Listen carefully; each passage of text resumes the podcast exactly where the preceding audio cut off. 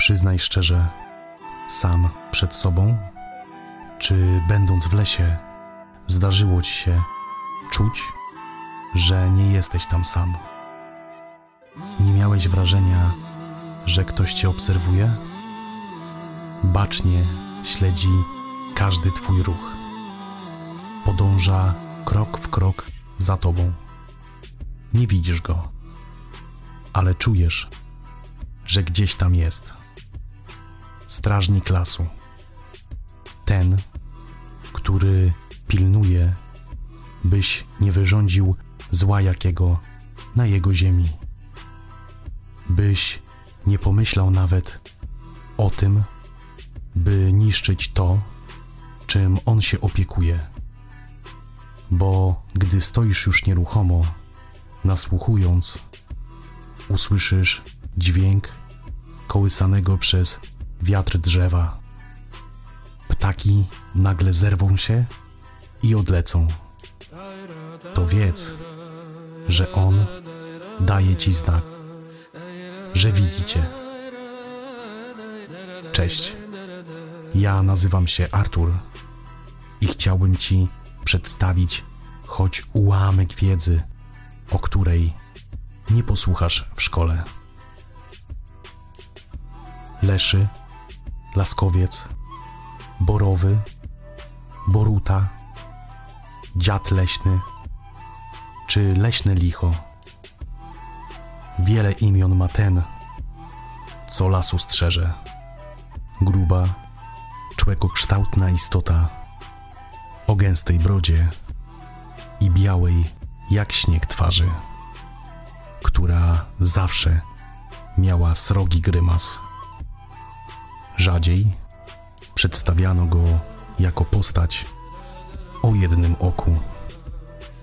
Wierzono również, że potrafi on, gdy tylko chce, przybierać formy zwierząt najczęściej wilka, niedźwiedzia czy sowy. Niekiedy mówiono też, że może przybrać formę wiatru i między drzewami wiać silnie. Wielkość jego zależna była od wielkości lasu, w jakim aktualnie przebywał. Gdy las był młody, i drzewa jeszcze niskie.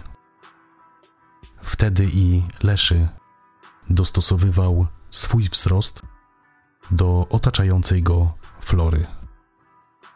Jednak gdy las był stary, a korony drzew sięgały wysoko do nieba, wtedy borowy potrafił osiągać kolosalne rozmiary. Swoją moc i siłę czerpał z otaczających go drzew. Jednak mylnym myśleniem byłoby twierdzenie, że interesowały go jedynie drzewa. Boruta dbał o wszystko, co w lesie żyło, począwszy od grzybów, jagód, czy poziomek, po wilki, dziki czy ptaki. Czy Leszy atakował wszystko, co natknęło mu się na drogę? Nie.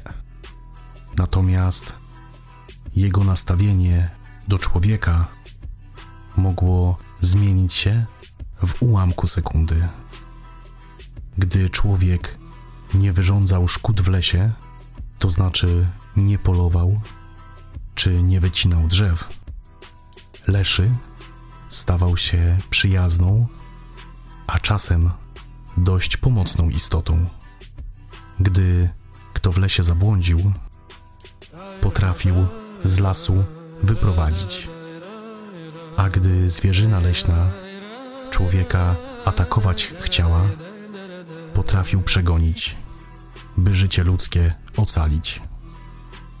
Jednak strzeż się ten, co rękę na tereny borowego podnosisz, bo gdy uczynisz zło jakiekolwiek, na jego ziemi, potrafi bronić jej zawzięcie.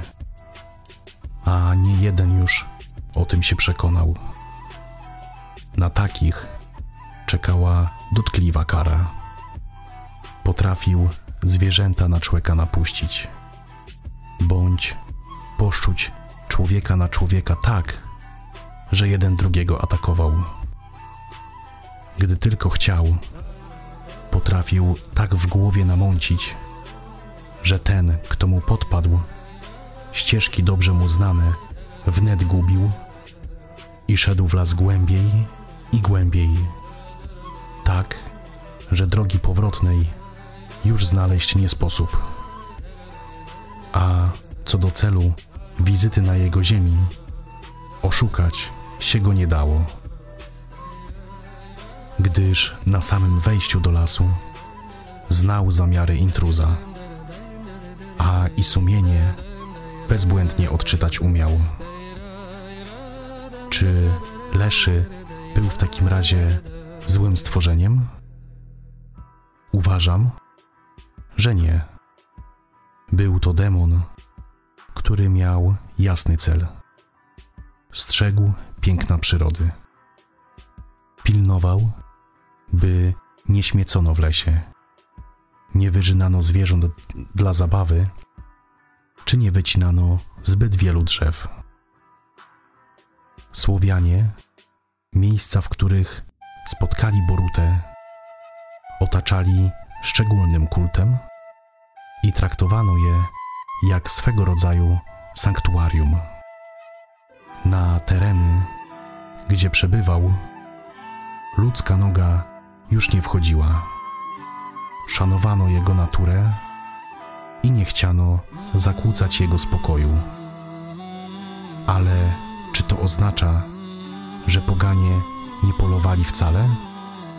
Nie wycinali drzew? Nie zbierali runa?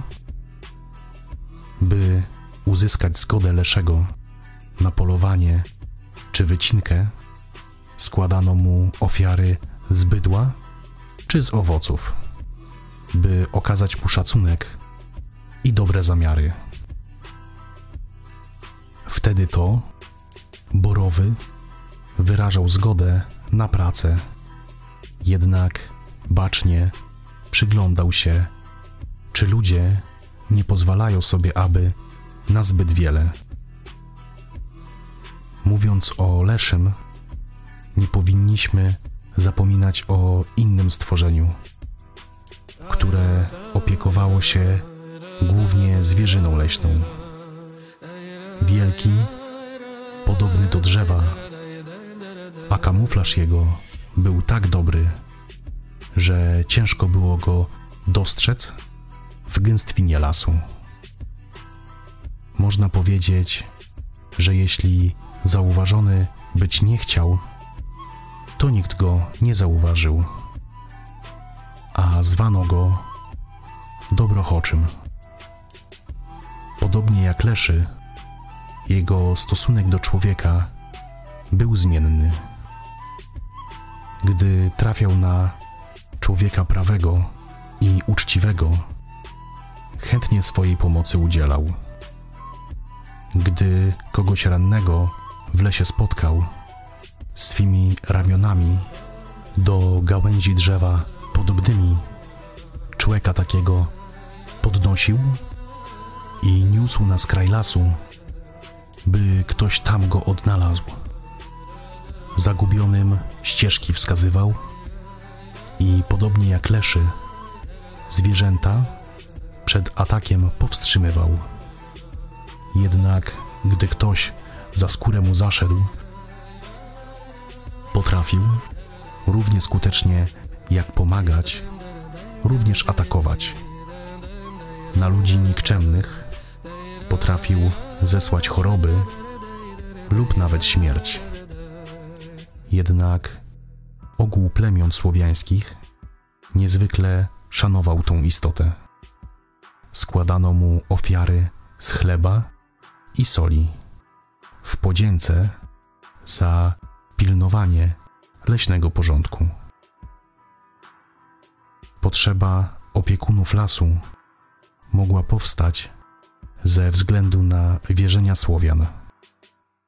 Guślarze czy wołchowie często udawali się do lasu, by zbierać niezbędne grzyby, rośliny czy zioła do magicznych praktyk. A jeśli w lesie rosną rośliny posiadające magiczną moc, to pilnować ich muszą magiczne stworzenia. Czyż nie? Ubolewam, że dziś wiara w te stworzenia zanikła. Wszak pilnowałyby lasów. Nikt nie zanieczyszczałby i nie wycinał niepotrzebnie drzew. Nikt nie zabijałby zwierząt dla zabawy. Może gdyby istniało przekonanie, że pilnują swych terenów do dziś, las, który znamy, wyglądałby zupełnie inaczej.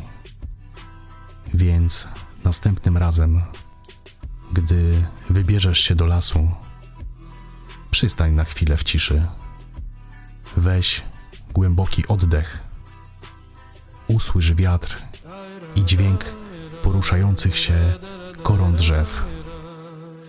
Pomyśl, że jesteś w miejscu, które należy do majestatycznego opiekuna. Uszanuj więc jego pracę i zostaw wszystko tak, jak to zastałeś. Sława.